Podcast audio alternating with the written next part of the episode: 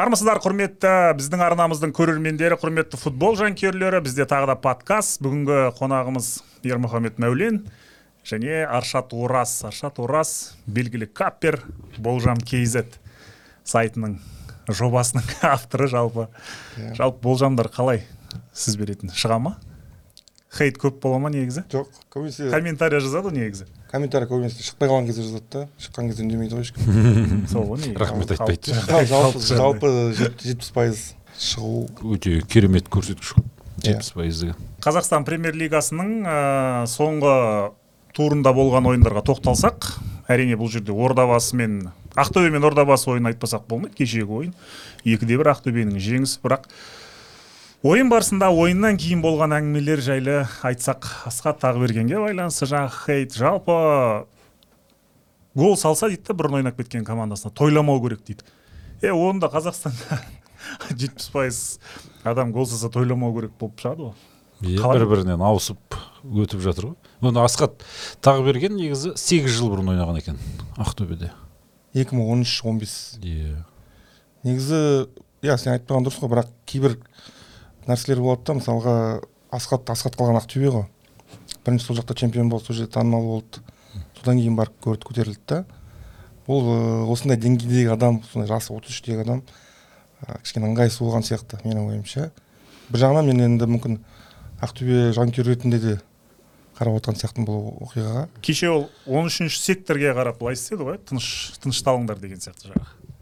Жесть. Жалпы кімге бағытталды? Соларға он бағытталды. үшінші секторға бағыттапты жалпы енді жанкүйерлерге бағытталған болып саналады ғой бәрібір. Сондықтан ыыы мен ақтамаймын ақтөбелік жанкүйерлерді. Мүмкін дұрыс шығар солай болғаны. Енді мен бүгін ә, асхат тағыбергенмен сөйлестім бұл оқиғадан. Мен мән жайды біліп алайын дедім да екі тарап қалай айтып жатыр. Ә, ақтөбенің фанаттарының айтқан уәжді осындай. Олар ол бізге біріншіден мынандай тыныш деген нәрсені көрсетті деді. Сосын гол соққанына қуанды деді. Енді мақұл ол даулы мәселе ғой енді. Өзі біледі ғой қуана ма қуанбай ма Иә. деген сияқты. Оны сегіз жыл бұрын ойнаған ол бір версия. Содан кейін ә, асхат айтады. Асхатпен сөйлестім жаңа ғана. Сөйтсем ол айтады мен гол ұрған кезде аса қатты бүйтіп қатты бір тойлаған жоқпын былай жүгіріп кетіп бара жатқанмын дейді. Ол менің туған клубым емес футболшыларда сондай әдет бар дейді да мысалға. Өзінің туған клубым мен қайсарға қарсы гол ұрсам мен кешірім сұраймын ол футболда бір этика ғой енді мысалға да. Ал ол қайсар менің туған күні клубым а ақтөбе менің туған клубым емес. Мен ақтөбеде де ойнағанмын тобылда да ойнағанмын мен астанада да ойнағанмын ол сондай клубтарымның бірі. Әңгімесі жоқ мен ә, еңбек сіңді ақтөбеге ризамын ешқандай қарсылығым жоқ. Өте тамаша клуб жанкүйерлері де мал- молодец мықты. Мен ештеңем қарсылығым жоқ ақтөбені бір жек көріп жатқан дейді да. Бірақ мен өзім білемін ғой енді. Қайсарға ұрып жатқан жоқпын мен гол К- қайсарға гол ұрсам осылай дейді. Енді екіншіден мен кетіп бара жатқан кезде қуана кетіп бара жатқан кезде біреу айқайлады дейді. Осы мынау он үшінші сектор осы жанкүйерлер тарапынан. Өте ауыр сөз айтылған. Балағат сөз ғой. Балағат сөз. Енді мен қазір айтпай ақ қояйын не деген. Ол сондай сөзді естідім да мен сосын жігіттер сабыр сақтаңдар тыныш деп айттым. Болды. Одан кейін бәрі жақсы болып жатқан ойын бітті пенальти болды тебе алмадым енді ол футбол енді ол футбол тақырып бөлек. Біз оны қозғап отқан жоқпыз. Енді одан кейін дейді шыққан кезде бір журналист жігіт дейді журналист аккредитациясы бар. Сол кетіп бара жатып маған айтады дейді. Поляның ішінде жүр дейді да. Ернар емес па? Жоқ басқа бір тан, таныс емес дейді. Ол айтады дейді «ә, асхат домой ордабасы домой анау мынау деген сияқты сондай сөздер айтты дейді и ол футболдың фанаты болса мен трибунадан айқайлап жатсам ештеңе демей аха деп кете беретін едім дейді қол шапалақтап мен онсыз да кетіп бара жатқанмын дейді. Сөйтсем ол журналист маған сөйтіп айтып жатыр да ол сол маған қатты іріткі салып жібергендей болды дейді да сосын қатты ашуландым да. Е сен бауырым сен сен неғып өйтіп отырсың сен жанкүйер сен журналистсің ба точно деген сияқты жаңағыдай пікірлер қалып соны адамдар енді көріп тұр ғой дейді. Ол одан сайын ә, жаңағы Қоздырды. қоздырып жіберді дейді да. Енді қараңыз дейді бәлең бәрі ә, мен мысалға өзім ақтөбеде ойнағанмын ешқандай нем жоқ ол клубқа жанкүйерлерін де бәрін сыйлаймын. Маған осындай болғаннан кейін мен жай сабыр деп айттым болды. Содан бә- бәрі басталып кетіп отыр. Анау жігіт те сөйтіп отыр. Неге мен өйтіп олай ыыы жамандайды олар деген сияқты. Ой енді содан кейін ә, бұл ә, оқиғаға байланысты жаңағы фанаттардың жаңағы баклашка лақтырып бірдеңе жасаған ғой. Енді мақұл оның бәріне мен кешіріммен қараймын мен футболшымын ғой. Олар жанкүйерлер олардың эмоциясы бар. Олар соны айтады да олар кіші жүз бәрі. Жаңағындай шартборд кететін эмоциясы. Өйткені ә, асхат тағыберген айтады мен де кіші жүзмін дейді. Менде де эмоция бар дейді да. Шартборд кеттім сөйтіп осындай болды. Енді ол аса қатты бір дау көтеретін мәселе емес шығар деп ойлаймын дейді. Жаңа соңында жаңағы фанаттар хормен айғайлады ғой енді асхат жаңағы Иә. пайдараз деген әңгіме ғой енді. Бірақ енді сол хор болып айтып жатыр да барлығы. Енді енді қазір енді абыройлы футболшы ғой мысалға ол- асхат ше қазір. олай айқайлауға негіз болған негіз болғаннан Иә. кейін ғой. Жалпы фанаттардың ішінде бұндай негізі нәрсе орынды болу керек қой негізі қалай ойлайсыз? Енді ол өзінің командасының жанкүйері бірінші кезекте. Ол былай қарау керек та асхат сияқты ұлттық құраманың капитаны деңгейіндегі жоғары адам өз өзін ұстауды білу керек та. Мысалы ақтөбе ә, тек қана өзінің бұрынғы ойыншылары емес мысалға қарсыластың ә, мысалы нұрбол болсын фенонченко болсын иә оларға бәріне құрметпен қарайды. Олар ойында да жақсы футболшы ә, ойын сыртында да дұрыс адам да.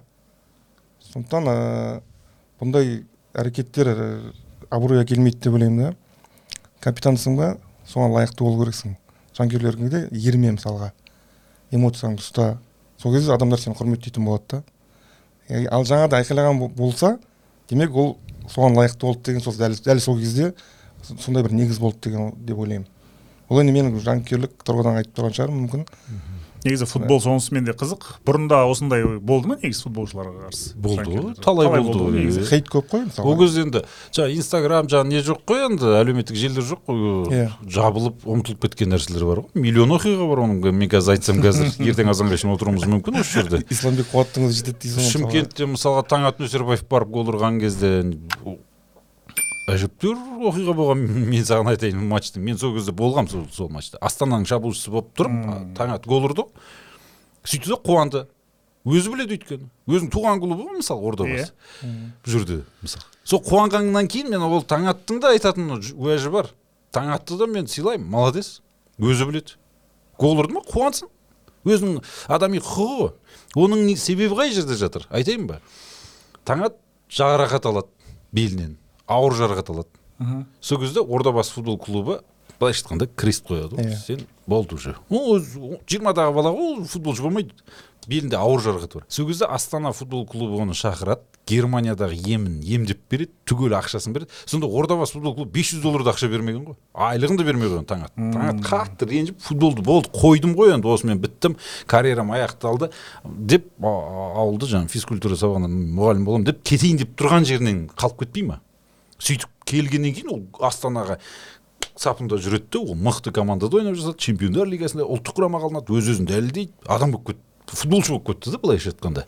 Содан ол ордабасының қақпасына гол ұрады да ордабасының жаңағы басшылығына айтады ғой міне мен деп мен келдім мен сендерге гол ұрдым мен ризамын өзінің ішкі несін енді соны жанкүйерлер айқайлайды ей қойсай ана мен шымкентте боқтау деген ол жаңағы ақтөбеден өтіп кеткен неше түрлі әдемі сөздер бар ғой. Сонда осындай жағдай болған. Ол мысалы мұрат тлешевке де байланысты бар ол Иә. бүкіл клубқа мен саған қазір бәрібір сияқты негізі? Осындай осындай оқиғалар көп. Енді қараңыз осы жерде мен тағы да бір адаммен сөйлестім.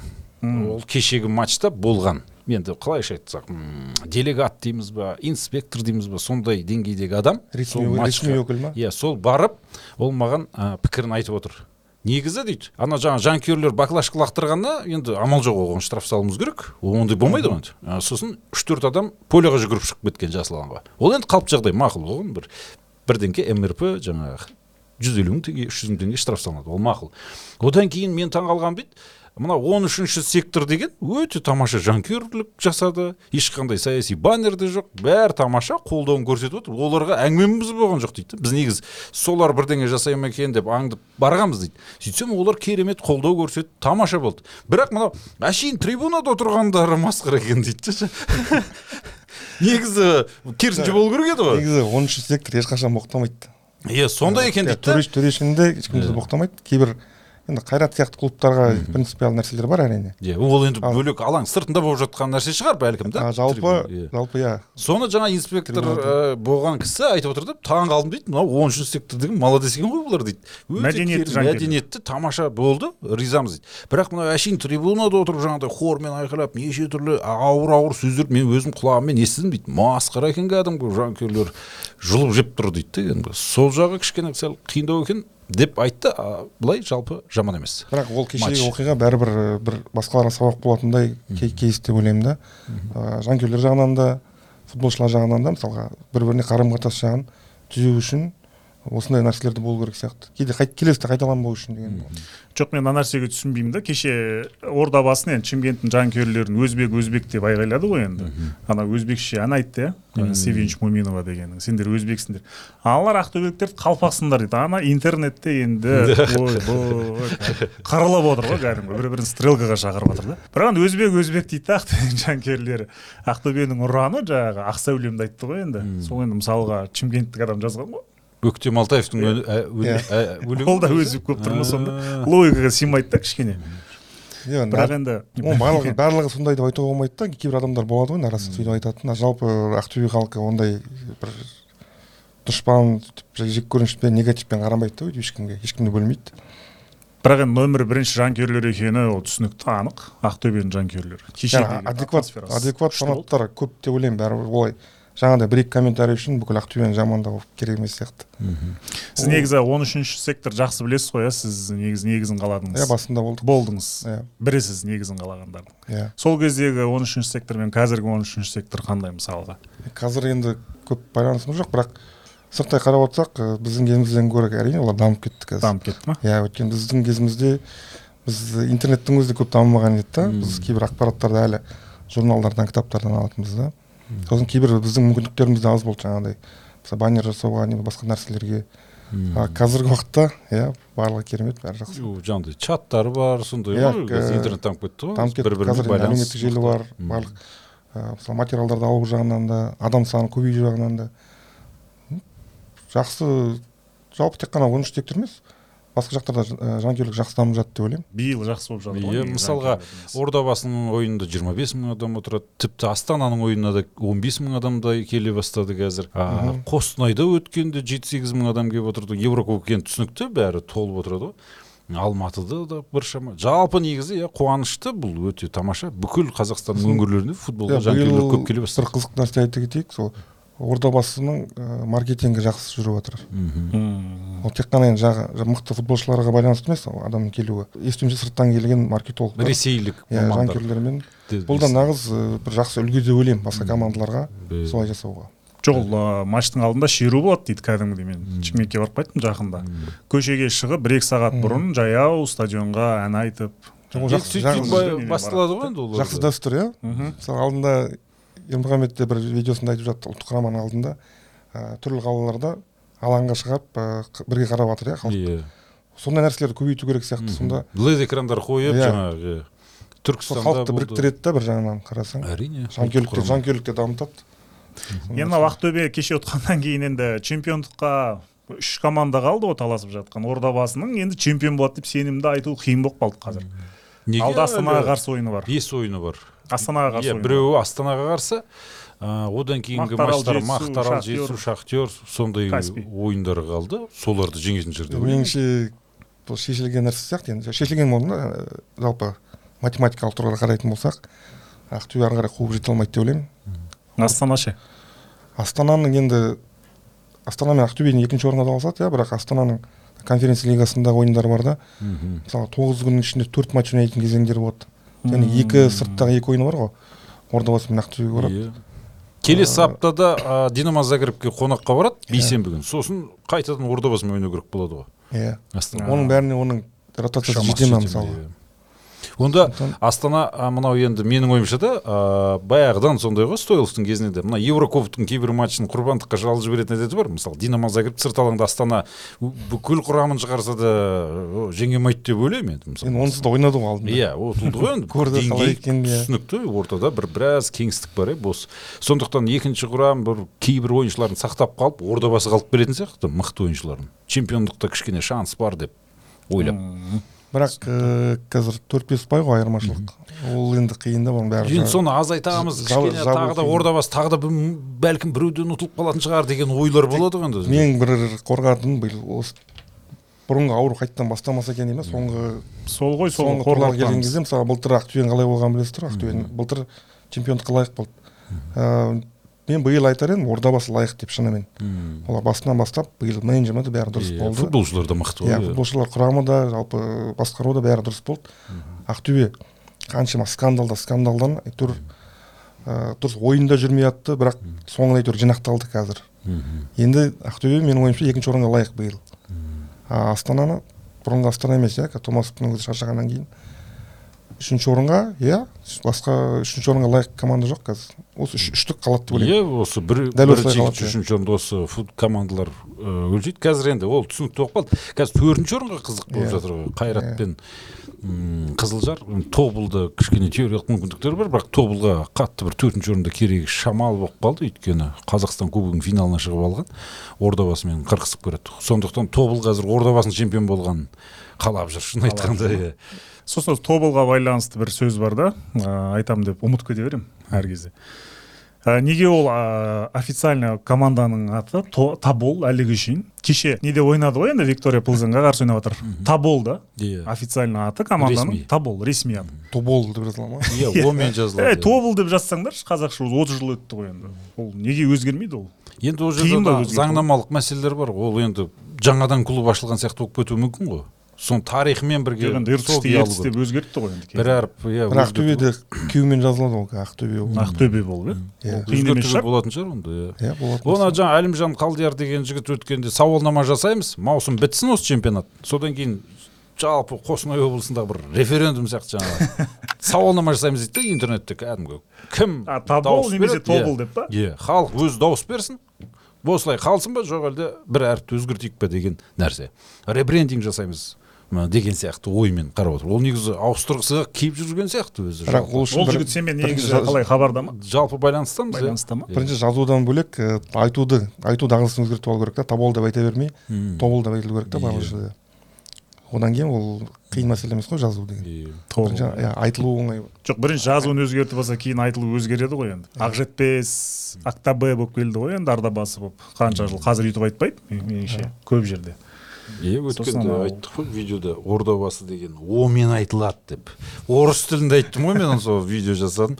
Бүкіл орыс бапкерлер мә білмеппіз е шынымен ба? дейді. Иә сөйте ма орыс келді? білмедік қой оны дейді. Қай жақтан білеміз оны. ол енді орыс тілінің ә, жаңа арфа епиясы бойынша дұрыс қой енді олардікі. Оны а деп айтады олар. Мм. оксана деп жүрмейді ғой оксана дейді ғой. Омен жазылады бірақ. Сосын оқжетпестің кеше бір ә, парақшасына не қылып жатыр еді ғой қазақша беріңдер бірінші. Иә ақпаратты деп сен салып жатыр едің ғой иә бір жігіттер жазып тұр мен ешқандай қарсылығым жоқ. Қолдаймын сол позицияны деп бөлісіп қойдым.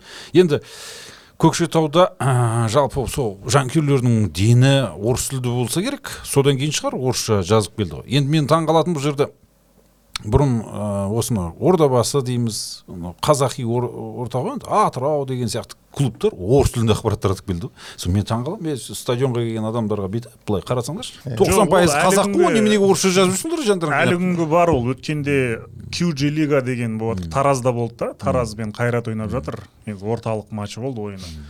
Сөйтсе анау ә, стадиондағы жүргізуші орысша хабарлайды да барлық нәрсені сонымен мен виктор кирюликпен жүргізіп отырмын ғой. Виктордың өзі таңқалады да е тараз ғой мына қазақша айтпайды дейді ол ол түсінбейді ғой қазір жартысы Ол сондай бір стандарттар керек иә мысалға ұлттық құрама ойнаған кездерде ә, тек қана қазақ тілінде және ағылшын тілінде ғой. Иә.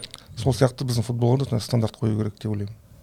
Әйтпесе әркім қазір өзі білетін сияқты кім қай тілде ана QG лигада бәрі орыс тілді ғой.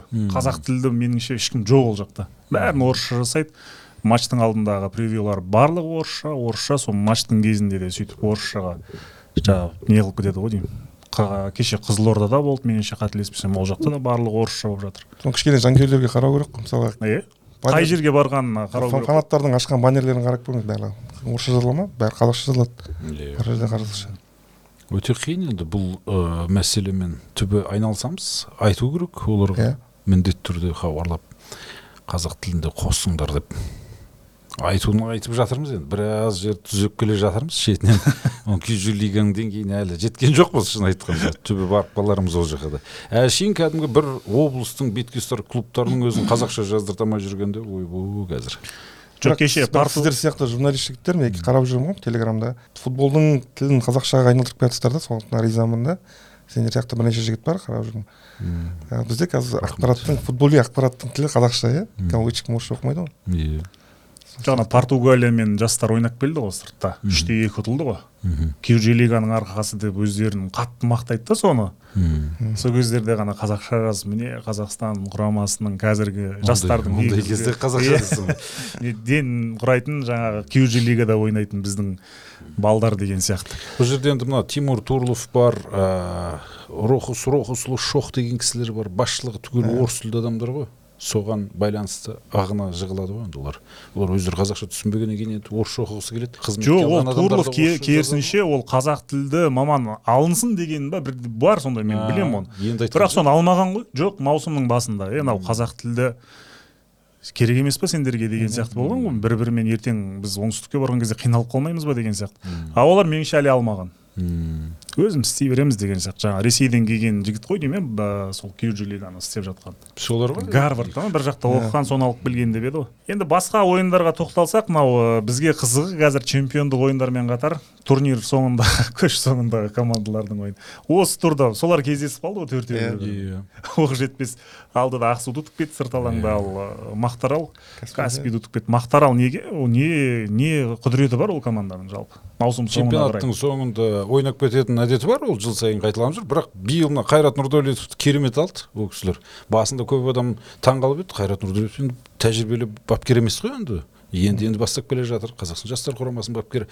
Сол кісі барды да күрделі өзгертіп жіберді. Команда қатты ойнап кетті ешқандай дау дамай жоқ қайта кеше пенальти берген ол пенальтилерін дұрамады бір гол есепке алынбады. Сөйтіп жүрсе де қатты шабуылдап кәдімгі таза ойынмен жеңіп кетіп жатыр. Тамаша. Негізі облысқа мақтаралдың бірінші лигаға түсіп кеткені ыңғайлы ғой иә иә сондай бір әңгімелер Тұран бар. ба? өйткені тұранды күшейтпекші да ол жерде облыстың әкімі дархан сатып алды деген кісі сол тұранды күшейтейік бәрі сол тұранға жабылып жұмыс істеу керек деген сияқты философияларды ойларын айтады екен. Енді ол жерде қазір түркістан облысында тұран былай тұрсын.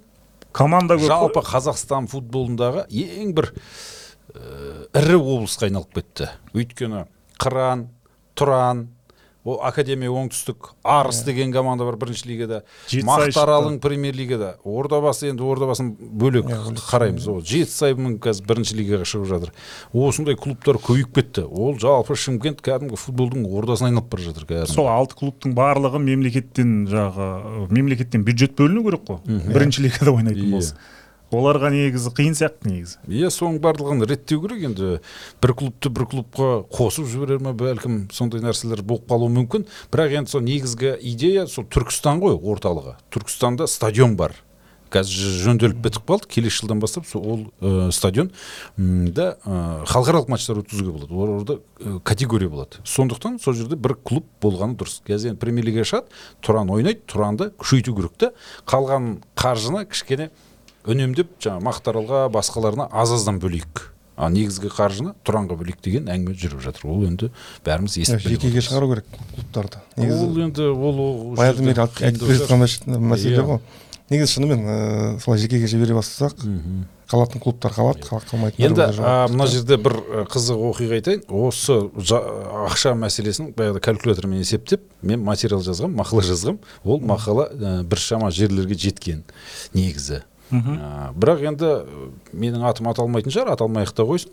Содан бір миллиард екі жүзге түсіру туралы әңгіме қозғалып солай болды ғой енді. Енді соны бір миллиардқа қысқартуды әрбір үш жыл сайын 200 миллионнан алып отырса төрт бес жеті сегіз жылдан кейін сонда 600 миллионға жетіп қалады. Оны қайдан алып отырмыз? Ақжайық футбол клубына 600 миллион ақша бөлінбей ма бір жылға? Одан Иә. аш- артық ақша бөлінбей қалған. Қиналып қалған клуб. Бірақ соның өзінде премьер лигада бүкіл ойынды өткізіп ойнап шыққан. Енді әңгіме жоқ премьер лигадан шығып кетті. Бірақ 600 жет- миллион теңгемен ары бері ұшып барып қонақ үйде жатып жаттығу жасап айлықтарын беріп ойнауға болады деген сөз ғой. Жоқ ақша жемесе жетеді ғой негізі. Жетіп тұр иә. Сонда 600 миллион теңгеге дейін түсірсек түбі бір біртіндеп біртіндеп. Бұл енді көріп отырсыз ба? Қазір мемлекеттен кету керек жеке меншік клуб жаңағы бай, бизнесмендер алу керек дейін десең бұл өте қиын процесс. Сондықтан біртіндеп осыған жеткізуіміз керек. Плавный переход. Енді одан кейін қараңыз маркетинг деп жатырмыз жаңағы менеджмент деп жатырмыз сол ақсап тұр ғой бүкіл клубта. Солар қазір оқу жұмыстарын жүргізіп жатыр. Қазақстан футбол федерациясы соларды оқытып жатыр шетелден келген жігіттер бар солар бәрі келген кезде ол қалай болады? бір миллиард екі жүзбен өмір сүріп жүрген клубтың ақшасын азайта берген сайын ол клубтың өзі ұмтылып жасап ұмтылыс жасап сол ақшаның орнын толтыруға әрекет дене бастайды. Амал жоқ қысылтаяң жағдайға тіреледі. Сонда егер 600 миллион теңге ғана а, ордабасыға бөлсең оның маркетинг бөлімі а, футболка сата бастайды. Ә, ручка сата бастайды. Кез келген нәрсеге ордабасының логотипін қойып ақша тауып сата бастайды. Футболшыларын жарнамаға түсіре бастайды. Жаңағы автокөліктер демеуші бола бастайды. Ә, өздері әр кабинеттерге кіріп жалынып былай алдап сулап спонсор тарта бастайды демеуші тарта бастайды. Сонда ол жұмыс істейді. Ал қазір не істейді? Үкімет ақша беріп жатыр в принципе кабинетте отыра берсең болады. Ордабасы қашан ойнайды сенбі күні ойнайды сол күні стадионда жолығамыз дейсің да отыра бересің. Ақша бар ғой сенде? Не қыласың? Жұмыс істеудің керегі не? Деген міне ой. Сонда мемлекет сол ақшаны жайлап азайтып бермей қойып жатса онда тыпырши бастайды. Не істейміз жабылып кете деп. сал жабылып кете салуы мүмкін ғой. Жабылмайды сол біртіндеп біртіндеп. Ә, білдіртпей азайта бересің ғой жалпы. Солай кетеді. тура солай болады. Бүкіл көптеген европада да сондай болған. Англияның клубтары бірден аяқ астынан сол пайда болды дейсің ба? Мемлекеттің қолдауымен болған бәрі. Германияда да сондай болған. Біртіндеп ақшасы азайған өздері адамдар жартылай сатып ала бастаған елу пакет елу пайыз акциясын алған. Осылай. Елу бірінші пайызды алған кезде контрольный пакет акцияды алған кезде ол клубтың иесі бәрін басқаратын болған. Мынаны жұмыстан алып тастаймын мынандай адам аламын. Мықты пысық адамды алып келеді жаңағы. Осындай осындай нәрсе болды. Футбол осылай дамыған жалпы. Фифаның өзін йозеф блаттер келіп неше түрлі нәрсе істеген ғой. Ең бірінші кока коланы тартып телевидение цветной реклама бере бастаған кезде міне сол кезде басталып отыр ғой. Қызықтың көкесі. Революция. Әлем чемпионатын өткізген кезде масқара ақша тауып содан йозеф блаттер байыған өзі де жоқ алған біразын. Сөйтіп сондай оқиға болған жоқ па? Уефа қазір дамып кетті. Уефа қазір ұлттық олимпиадалық әлемдік олимпиадалық комитетті кәдімгі а, адам санамайды қазір мысалы да. Екеуінің Иә. деңгейі қайда. Бұрын ы, олимпиадалық комитет деген ойбай масқара төрт жыл сайын біз бүйтеміз сөйтеміз деп жаңағы таңдайтын. Қазір уефа фифа фифа мысалға біраз мемлекеттің тағдырын шешіп отыр. Қазір мысалы да сауд арабия катар дегендердің кәдімгі жалынып отыр. Сондай деңгейге жеткізу керек. Ол деген несі? Маркетинг телевидениенің правасы құқығы. Соны сатып ақша тауып отыр. Қазір букмекерлік кеңселердің өзін фифа аса қатты пысқырмайды. Англияның футбол клубтары отказ берді биыл. Келесі жылдан бастап букмекерлік кеңсе жейделерде болмайды деген шешім қабылдап отыр. Енді өзіңіз ойлаңыз. Осындай жағдайға жетті. Ал қазақстанда адамдар букмекерлік кеңсені құртыңдар дейді. Құртсаң не болады? Ешкім ақша бермейді оған. Болды. Альтернативті ә, біреу таласып жатқан да жоқ қой жарнама берейік деп біз. Жоқ осыған байланысты не айтасыздар? Букмекерлік кеңсеге бір шектеу қою деген қазір заң талқыланып жатыр ғой. Ол толық жабылып та жабылып кете ма букмекерлік кеңсе немесе қалай жұмыс істейді ары олар кішкене нені түсінбей жүрген сияқты. Мына ставка қоюдан басқа ә, казинолар бар ғой бізде электронды. Иә. Негізі көп ұлы мамандардың көбі сол, сол жақтан ауырады екен да сол жақта онлайн казино. Онлайн да бар. Сосын кәдімгі и лутоматик дегендер тұр Лото, ғой көшенің қақ ортасында дегендер тұр ғой. Сол жерге көп ақша тез, тез кетеді ол жерде ақша. Букмекерлік ставка қою кішкене ол енді интеллектуалдық жұмысты талап етеді кішкене бір инвестиция сияқты.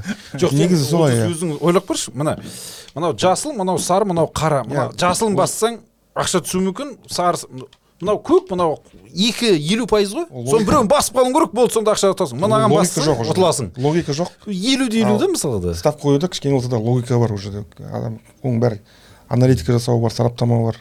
Ой еңбегі ғой. Иә, барселона мен бетис ойнап жатса сен енді бетисқа тікпейсің. Иә сәл миың жұмыс істейтін болса Иә. барселонаға солай ғой енді. Иә тура солай ғой. Ойланасың да кішкене. А ана жерде сен казинода қалай ойланасың мысалы? Ол жерде тек қана сәттілікке негізделген нәрсе. Цифрды лақтырып қоясың ол отыз жетіге түсе ма зеро нөл қараға түсе ма сондықтан иә ол заң қабылданардың алдында сол, жақ- сол жақтарын анықтап алған дұрыс деймін да біздікілер енді қабылдай салуы мүмкін ғой енді ол ойбай бәрі содан былай қарасаң букмекерден басқа жарнама жарнама нарығында үлкен ақша беріп жатқан ешкім жоқ.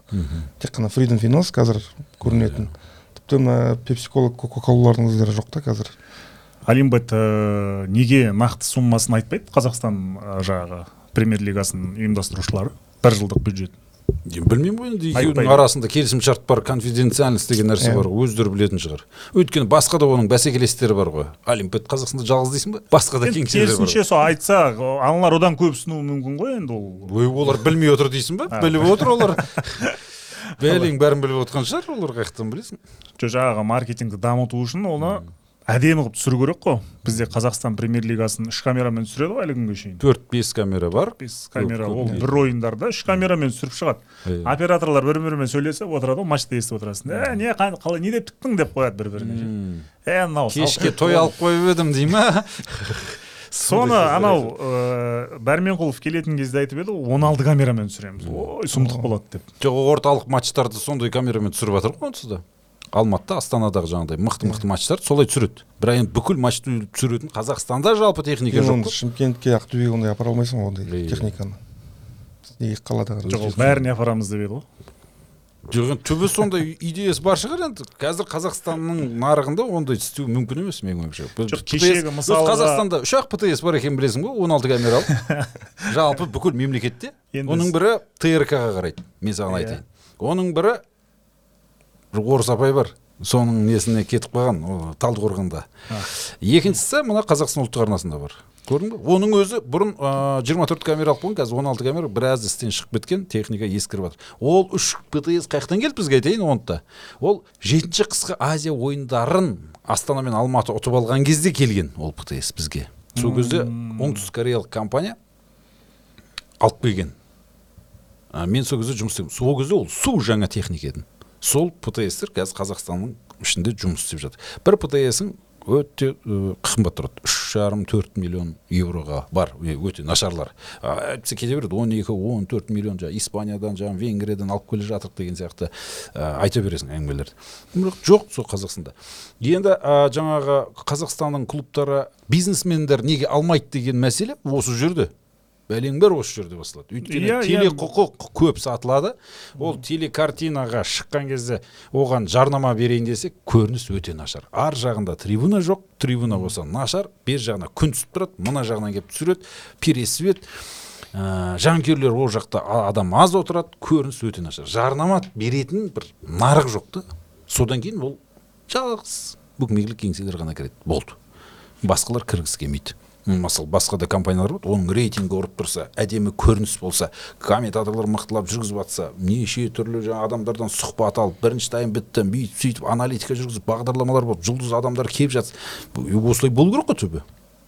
Сонда ғана қазақстан футболы өзі былай да былай дамиды. Маркетинг ақшасыз да келіп дамиды ол бір бірімен журналистикасымен бірге әдемі болып дамиды. Әйтпесе ол біреу дамып кетті мына жағы мынандай деген нәрсе жоқ. Бәрі біте қайнасып тұрған нәрселер. Енді мен өткенде бір құпияны айттым бір кісілерге. Бұл баяғыдан бар нәрсе. Қазақстанда осындай 32 камераға түсіретін. Енді дені сау елдерде негізі 32 камераға түсіреді. Мен өз көзіммен әлем чемпионатында көріп келген нәрсені айтайын. Питерас ангелас деген жаңағы грекиялық адам бар ол швеция азаматы. Сол режиссер болады. Әлем чемпионатының финалында режиссер болған адам. Ол бүйтіп кофесін ішіп тұрады. Үш ассистенті бар. 32 камераны басқарып тұр. 14 камера дейді. 17 повтор бер. 12 титрмен роналдоны көрсет. Виптағы роналдоны көрсетіңдер дейді. Ә, төбеден краннан түсірген вертолетті беріңдер дейді. Ә, осындай нәрсенің бәрін айтып басқылап 90 минут тұрады. Сол 32 камераға түсіріп жатыр. Оның ортасында жарнама бар басқа да нәрсе бар. Осындай деңгейге жете алатын казспорт арнасы бар хабар еліміздегі телеканалдың біреуінің қолынан келмейді. Дұрыс па? Ол факт нәрсе. Оны мен ешкімді сынап жатқан жоқпын. Оларда техника жоқ қой. Техника болса бәлкім түсіретін бе сол телевидениеға қазақстан аумағында өте керемет сапалы контент жасай алмағаннан кейін уефа зардап шегеді осыдан. Уефа өзі қаржы төлей бастайды. Мынандай матчтар түсіру керек. Мысалға қазақстан мен франция ойнап қалды. Ресейден птс келеді. Түркиядан режиссер келеді латвиядан оның ассистенті ұшып келеді. Оның бәрін кім төлеп жатыр уефа төлеп отыр. Өйткені уефа қазақстан ұлттық құрама командасының ойындарының бәрінің құқығының егері сен астана телеканалынан алматы телеканалынан оның видеосын көрсете алмайсың. Сен өйткені сатып алмағансың оның видеосын. Оны только қазақстан ұлттық арнасы ғана сатып алған. Ол казспорт екеуі ғана көрсете алады. Сен ктк дан басқа арнадан көрсете алмайсың оны. Ютубқа салсаң блокировать етіп тастайды дұрыс па? Сондықтан ол ақша жасап отқан уефа біршама ақшасын жіберіп амал жоқ мына қазақстанның аумағында телетрансляцияға қаржы жұмсауға. Біздің мемлекеттің ішінде осындай техника жоқ деген ұят нәрсе. Неге екендігі түсініксіз. Енді соңғы 15 жыл біз қарқынды дамып келе жатырмыз әңгімесі жоқ иә технология тұрғысынан жаңағы интернет сала- экспо өткіздік қой. Бірақ экспо өткізді жаңа ұятсыз айтып отқанын қара. Сол ғой соны технологияны дамыту үшін он алты камераға біз түсіре алмай отқан жоқпыз ба? Е ең ақыры мен саған айтайын димаш құдайбергеновтің концертін шетелден адамдар келіп түсіретін білесің ба а жоқ оны. Қазақстан Масқара. әлем чемпионаттарының көбісін шетелден келіп түсіретіндер әлбетте. гранд слэм өтті алматыда. Евроспорт келіп түсірді. Велоспорт дегенді масқара малайзиядан келіп түсірді. Біз өйткені осы ондай жағдайға жеткен ішкі жоқпыз. кухняда жүргенсің білесің ғой бұлар біліп тұрғаннан кейін айтып отырмын сол техника жоқ. Бізде де адамдар бар. Сапалы режиссерлар керемет мықты талантты адамдар бар. Жоқ қой ештеңе істемейді сен казспорт арнасында ә, жаңағыдай бүйтіп сызып мынандай бүйтіп көрсететін ана триплей деген мысалы программа сол жоқ қой элементарно. Міне мына мына жерде мамадо мбодж былай жүгіру керек еді мына жерде малый былай жүгіру керек еді дейді жаңағыдай көрсететін нәрсе бар ғой. Сосын апсайт сызып беретін. Сол жоқ. Көрдің бе? Жоқ енді сен айтқан әңгімеге қайтып ораламыз. Енді онда қал- қалай дамиды ол? Біз картинка істеп бере алмай жатырмық па қарапайым жалғыз жалғыз бұл жерде құтқаратын айналып келіп жалынатын жеріміз біреу. Ол мемлекет. Ол ақпарат министрлігі. Солар бір жерден бірдеңе ақша бөліп қаржы бөліп ей тағы да ұлттық арна казспорт арнасының өзінің птс і жоқ соған е бір птс берейік мына жерде абай деген телеканал бар. Оған да бір птс берейік. Бір жерден трансляция жасасын. Бірдеңе түсірсін концерттерін түсірсін айтысты түсірсін. Осындай нәрсені жасайтын сапалы концерт түсіре алатын бір птстер әперейік екі үшеу деп тендер бөліп ақша салып ресейден жаңағы түмен қаласында сатылатын птстердің бір екеуін сатып алу керек. Жоқ оны негізі енді ол аутсорсқа беру керек шығар мүмкін. Барыстың ойындарын қателеспесем қазір Иә, иә, түсірмейді. мүлде басқа не иә. түсіреді. Бірақ керемет түсіреді. Мысалға да. Ол сосын материал сатады. Енді сол ғой қаза- қазақстан ұлттық құрамасының да бір, бір, біразының матчтарын сондайлар беріп жатыр ғой. Енді қазір бұрын сондай еді қазір жайлап жайлап кішкене көтеріліп келе жатыр ұлттық арна өзі түсіретін деңгейге жетіп жатыр енді біртіндеп біртіндеп жоқ енді бұны ұзақ талқылағанымыз ана матчты көріп отырсаң көзің ауырып кетеді ғой. Футболшылар кейде төрт бұрыш болып кетеді мысалға ойнап жатады ғой. Ақсумен ордабасы ойнап жатса одан кейін қатып ә, қалады. комментаторларды сынайды ғой. Жаңағы мен лаврик пен хайруллин шатастыратынмын ғой. Екеуі де тақырбас екеуі де ортада дейді. Мынаның қайсысы лаврик қайсысы хайруллин мысалы да.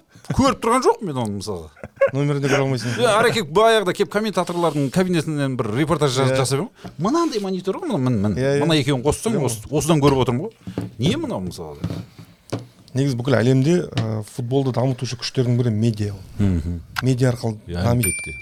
сол біз әлі жаңа сен айтып отырғандай әлі сол жақтан кеш кеш қалып келе жатырмыз да біз даже кейбір футболшылардың түрлерін білмейміз ғой мысалы. Иә ұлттық құрамаға ойнаған кезде барып мынау кім еді дейсің. М, еркін тапалов деген осы екен ғой деп па? Көрдің ба біз тіпті кейбіреулердің жоқ айтады ғой мынау мынау кім мынау? Қатты ойнайды екен деп ше? Сол кезде кеше бір адам менен сұхбат алатын болып хат хабар жазып бір ақыл кеңес сұрады. Абатай имбетов туралы мақала жазамын көлдей а, репортаж жасаймын. Соны жаңағы телевидениедан бірдеңе таппапты ютубта да жоқ екен. Е жаңағыдай бізде енді бар ғой мысалы боксшыларды ә, бала шағасымен түсіріп тастайсың ғой үйдегі папасынан сұхбат алып есіктің алдында жүгіріп шауып жүрген жаңағы атқа мінгендерін түсіріп абатай имбетов туралы бір видео жоқ. Енді олар өзі асхат тағыбергеннің бір видео жоқ анау туралы бір видео жоқ. Е, жалпы телевидение деген түсіру керек қой сондай нәрселерді мысалы. Міне мен айтып тұрғаным сол сол медиа контент болу керек та футбол дамытатын ары қарай. Иә. сол жоқ ақсап жоқ футболшылар да өздерінің енді үстіне жұмыс істеу керек қой. Жоқ енді футбол клубтары қинаса иә, істейді ғой. мысалға шетелдегідей матч бітті ма бірден екі эксперт келіп отырып талқылау керек қой. Ана иә. судьяның қателері болды ма пенальти болды ма болған жоқ па команда бірден ойынның бүкіл схемасын шешіп тастау керек та сондай. Матчтың алдында және кейін ол қарапайым нәрселер да мысалға оның өзі бізде жоқ та. Иә. Сараптамалық бір ток шоулар соның бәрі футболды дамытады оның бәрі сын ғой. журналистер де содан қиналады ғой. Мысалы мен ақтөбеге баратын кеше жағдайым болған жоқ. Мен матчты телевизордан көрдім. Сергей малый құлап пенальти берді. Мен енді жаңа көрген ракурстарымнан анау пенальти жоқ ана жерде. Өзімен өзі келіп ана екеуі бір бірінің үстіне құлап содан пенальти беріп жатыр да. Мен бір бүйтіп үлкейтіп қарайын десем де жоқ ана бұлдырап кеткен видео сол жерде стадионда болғандар айтады пенальти болды дұрыс төреші әділ болды кеше дейді бірақ мен анау пенальти емес. Керісінше анау асхат тағы бергеннің ана аяғынан келіп нең болма біреу тепкен кезде пенальти болған. Ол кезде керісінше бермеген. Ол кезде Енді ол адами фактор айыптаудың ғой. мысалға сондай нәрселерге мен эксперттік таза жүз пайыз міне мына видеоны апарып мына төрешілерім бар таныс. Вот қазір судья емес. төрешілер де дамиды да. Иә соларға көрсетесің е міне мына жерді қарашы десең.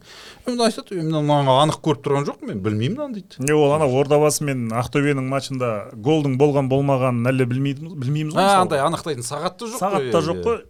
Алып шықты сол кезде. Жоқ өткенде кім бір вратарь айтты ғой, мен алып шықтым деді. Сол өзі айтты ғой кім зарусскийдің Иә. қателеспесем астананың Иә, иә. қақпашысы зарусский ғой. Гол кірген жоқ дейді мен алып шыққанмын дейді бірақ гол кіріп кетті. Варды қарап келіп гол деп белгілейді да. Темірлан ерланов жаңағы баспен ұрды. Ма? иә иә иә. Ол енді қазір қараңыз мына қақпа мына жерден тұрып сен мына аяғынан түсірсең ол гол болып көрінеді. Жоқ соны түсірген ғой бір жанкүйер. линиядан көрсең линиядан түсірсең ол гол болуы мүмкін да. Гол алдамшы ғой оның бәрі. Оны енді не масқара енді сөйтіп біреудің анау трибунадан түсірген видеосынан анықтап отыр анықтады ғой иә.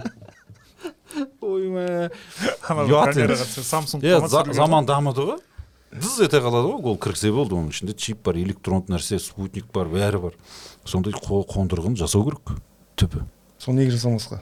Неге жасамас жасау керек соны. Сосын футбол енді біріншіден жасыл алаң керек қой. Футбол оны білмеймін мен қашан шешілетінін ешқашан шешілмейді э, жасыл алаң кәдімгі э, нешеу үшеу ғана ма төртеу ғана ғой иә қазақстанда э, екеуі ғой енді еврокуб қабылдай алатын. Астана аренамен жаңағы. Және көбісі э, чемпионат басталады. Өз алаңында ойнай алмайды көп көп матчтарды жіберіп алады да мысалы. Астана аренаның есігін іштен құлыптап аласың да ішінде төрт команда ойнап жатады. биыл оқжетпес ә, көкшетауда да матч ойнаған жоқ. Барлығы астанада. өзі шымкентте тұрады. айтпашы. Жоқ олардың Жылаймын қазір. Шымкентке барып базироваться етеді да биікте жатып тренировка жасайды. Өзі көкшетаудың клубы Астанада өз алаңында ойнайды. Ордабасы мен оқ жетпес екеуі бір самолетпен ұшып келіп астанаға келіп ойнап екеуі қайттан кеткен ғой сол иә самолетпен. иә иә. Не масқара мысалы да? Енді регламент қой енді. Жаңа мана сен айтқан тақырыпқа қайтадан оралатын болсақ мен ол осы соған жек көр жыным келіп тұр да оқжетпес сияқты командалар мұндай мұндай басшылығы несі барлар келесі жылы болмау керек деп ойлаймын премьер лигада. Сондықтан клубтарды он екіге онға қысқарту керек менің ойымша. Қысқартпай ақ қойсын бірінші лига күшейеді қайта. Бірінші лигада жастар ойнайды. Бірінші лига деген мә масқара керемет турнир мен сендерге айтайын. Сол жақ қызық негізі. Талантты балалар ойнап жатады жан, жан таласып кәдімгі өз өзін көрсетемей жүрген балалар ғой анау ше кәдімгі? Жұлқынып тұрған жігіттер сол бірінші лига күшейсін одан да біріншіден жаңа оқ жетпес жетісу жаңағы сияқты сондай клубтарды стадиондары жоқ лицензиядан өтпеген клубтарды біз шығарып жіберетін болсақ түбі болашақта ә, онда олар бірінші лиганы күшейтеді екіншіден премьер лиганың матчтары әрбір екі матчы ордабасы мен тобыл болады ә, ақтөбе мен астана болады қайратпен біреу ойнап жатады сондай қызықты матчтар пайда болады рейтинг көтеріледі бұрынғы система жақ қалай оралса қалай болады он екіге Екіге бөліп тастап па? алты алтыдан а ол да қиын болып кетеді. Оны өйткені ана жаңағы екіге бөлу керек болады ұпайының санын ол жерде иә, математика ол- қиындықтар бар. Иә. ол енді ана жаңағы шотландияда ма бір екі жерде ғана қалды ондай жүйе. Бельгияда бар. бельгияда бельгияда бар. Шотландияда, көп ондай иә. негізі. Жоқ бір сондай бір клуб аз жоқ былай бірінші орында келе жатқан команда соңында үшінші орынға түсіп кете ма? Түсініксіз ол. Ол Иә. система негізі бізге келмейді ау. Е, оны түсініп боламыз дегенше онсыз да ана жоқ жақта. ол осы дұрыс он екі он үш ары кетсең он төрт азайту азайту керек дейсің ғой. Азайту керек деп ойлаймын. Мысалға кейбір матчтарды енді сүреңсіз жаңағыдай телекартинасы нашар стадионы да нашар қиын ғой енді. Иә. Стадионда нашар э, футболшылардың да бір желаниясы болмайды ғой ойнауға қарап тұрасың ғой енді. Жүгірмей ақ қоя салады ғой біздікілер жете алмаймын ғой деген сияқты. Соңына дейін жүгірсе болады ғой енді жете алмаса доп бүйтіп кетіп бара жатып кетіп бара жатып аутқа кетейін деп тұрған жерден бұрыштамаға кетіп қалған кездерді көрдік қой. Қисық та жер. Күлкілі кәдімгі. Ойланып Иә. ойланып. біраз әңгіме айттық негізі соңғы турға тоқталамыз деп одан да тыс көп әңгіме болды осы жерден. Енді түбінде айналып келгенде инфрақұрылым ғой. Мәселені. Инф- инфрақұрылым жаңағы теле ми- медиа Медиа, маркетинг иә. осыны сал- саласын дамыту және маркетинг. Маркетинг деген жаңа мемлекеттен жайлап ығыстырып ығыстырып шығара беру керек. Міне қазір қайрат боранбаев сатып алған қайрат кетті. Мына жаңағы әлімжан қалдияр жаңағы тобылды алды. Енді біреу тағы да біреуге шығады. Енді қазір жаңағы министрліктің адамымен мен сөйлестім өткенде. Жоқ ол клубтың ол айтып отыр ақтөбені шығарып жібереміз осылай және атырауды шығарып жібереміз. Осы екеуі жоспарда тұр дейді. Екеуі жаңағы жеке иә. қолға өтеді. Қарызы бар клубтар ше олар шығарамайды ғой. Соны Қарызымен жаңа кім қазір антикор арқылы жаңағы тексеретін ә, ұйымдар арқылы тексертіп тазалап құжаттарын дұрыстап жатыр қазір. Мен инсайт ретінде айта отырайын. Айтпақшы әрбір бағдарламада бір инсайт айтатын рубрикам бар енді шын айтқанда. Дәл келіп жатыр бәрі. Мен енді тағы да айтайын ә, тобыл футбол клубы ағылшын премьер лигасында бапкер болған адаммен келіссөз жүргізіп келісімін алып отыр. Бірінші қаңтардан бастап ағылшын премьер лигасында жұмыс істеген қашан бапкер істеген ол? тобылға келеді. Осы екі үш жыл бұрын бір клубтың бапкері болған. Кончельскийсің танысы болды танысы иә ағылшын англиядан ғой енді ол да. Сондай нәрсе ақпарат бар. Оны да айта отырайын. Кім екен ол ей? Білмеймін мен де білмеймін енді қазір айта алмаймын фамилиясын. Бірақ сондай инсайт бар. Ағылшын премьер лигасынан келетін адам келеді. Одан кейін жаңа айтып отырмын ғой ірі ірі деңгейдегі екі үш легионер келеді. Аты бар заты бар. А, клуб в общем тобыл келесі жылды керемет қылайын деп жатқан сияқты әңгімелеріне қарасақ. Сіз не айтасыз ареке ақтөбе шабуылшыларды қысқартып қорғаушы ала ма? Келесі маусым. Енді- инсайт бар? Жеті шабуылшымен ойнады ғой карпович қала ма қалмай ма соған да байланысты ғой сол команда қалай болатынын сосын көреміз. Бірінші осылай бітсін. Биыл чемпионат енді аман сау бітсе екен деймін ешқандай скандал болмай. Скандал болса тек төменгі жақтарда болатын шығар жыл сайынғы. Төменгі жақта пенальтилер қызыл қағаздар. Деген тосын жоқ енді ол төменгі жақта мен ә, жаңа он бес ақ ұпайы бар ғой каспий мен ақсудың екеуі болды ғой деп отырмын енді жайлап көндігіп жатқан сияқты. иә. он бес ұпай аналарда жиырма екі жиырма бір ұпайдан екеуі де қызыл алды соңғы ойында. Қиындау жағдайлар. Бір сценарий бойынша соны енді отырған жаңа сияқты. үшінші клубты іздеп жатырмыз ғой ол кім екен деп. Жетісудың шансы көп болып тұр бірақ жетісу туралы да айта кетейін бір инсайт айтпақшы. келесі жылы алматы жаңа жетісу облысы футбол клубына үш миллиард қаржы бөлеміз. Масқара күшейтеміз. Бұрын соңды болмаған той түркістанда болмаған отырарда болмаған. Жетісуда болады дейді. Масқара күшейтеміз дейді. Е бұлардың бәрі негізі егер қалып кетсе иә. қостанайдан тобылдан келген ақпарат бар. Иә. орда басып алты миллиард деді ма не деді? Бес миллиард деді ма ақшаны аямай салайын деп жатырмыз дейді енді осылай. Енді орда Е, басын салсын енді не дейміз? Иә, көрейік бес оны да миллиард қарыз да бар ордабасының жалпы. Ешқайда кеткен жоқ. Осындай осындай әңгімелер бар жалпы. Жарайды онда осы жерден. Мхм онда барайық. Рахмет келгендеріңізге. Ал құрметті достар сіздер тіркеліңіздер біздің арнамызға. Пікір жазыңыздар. Жақсы пікір жаман пікір жаза беріңіздер. Барлығы ә, біз үшін маңызды.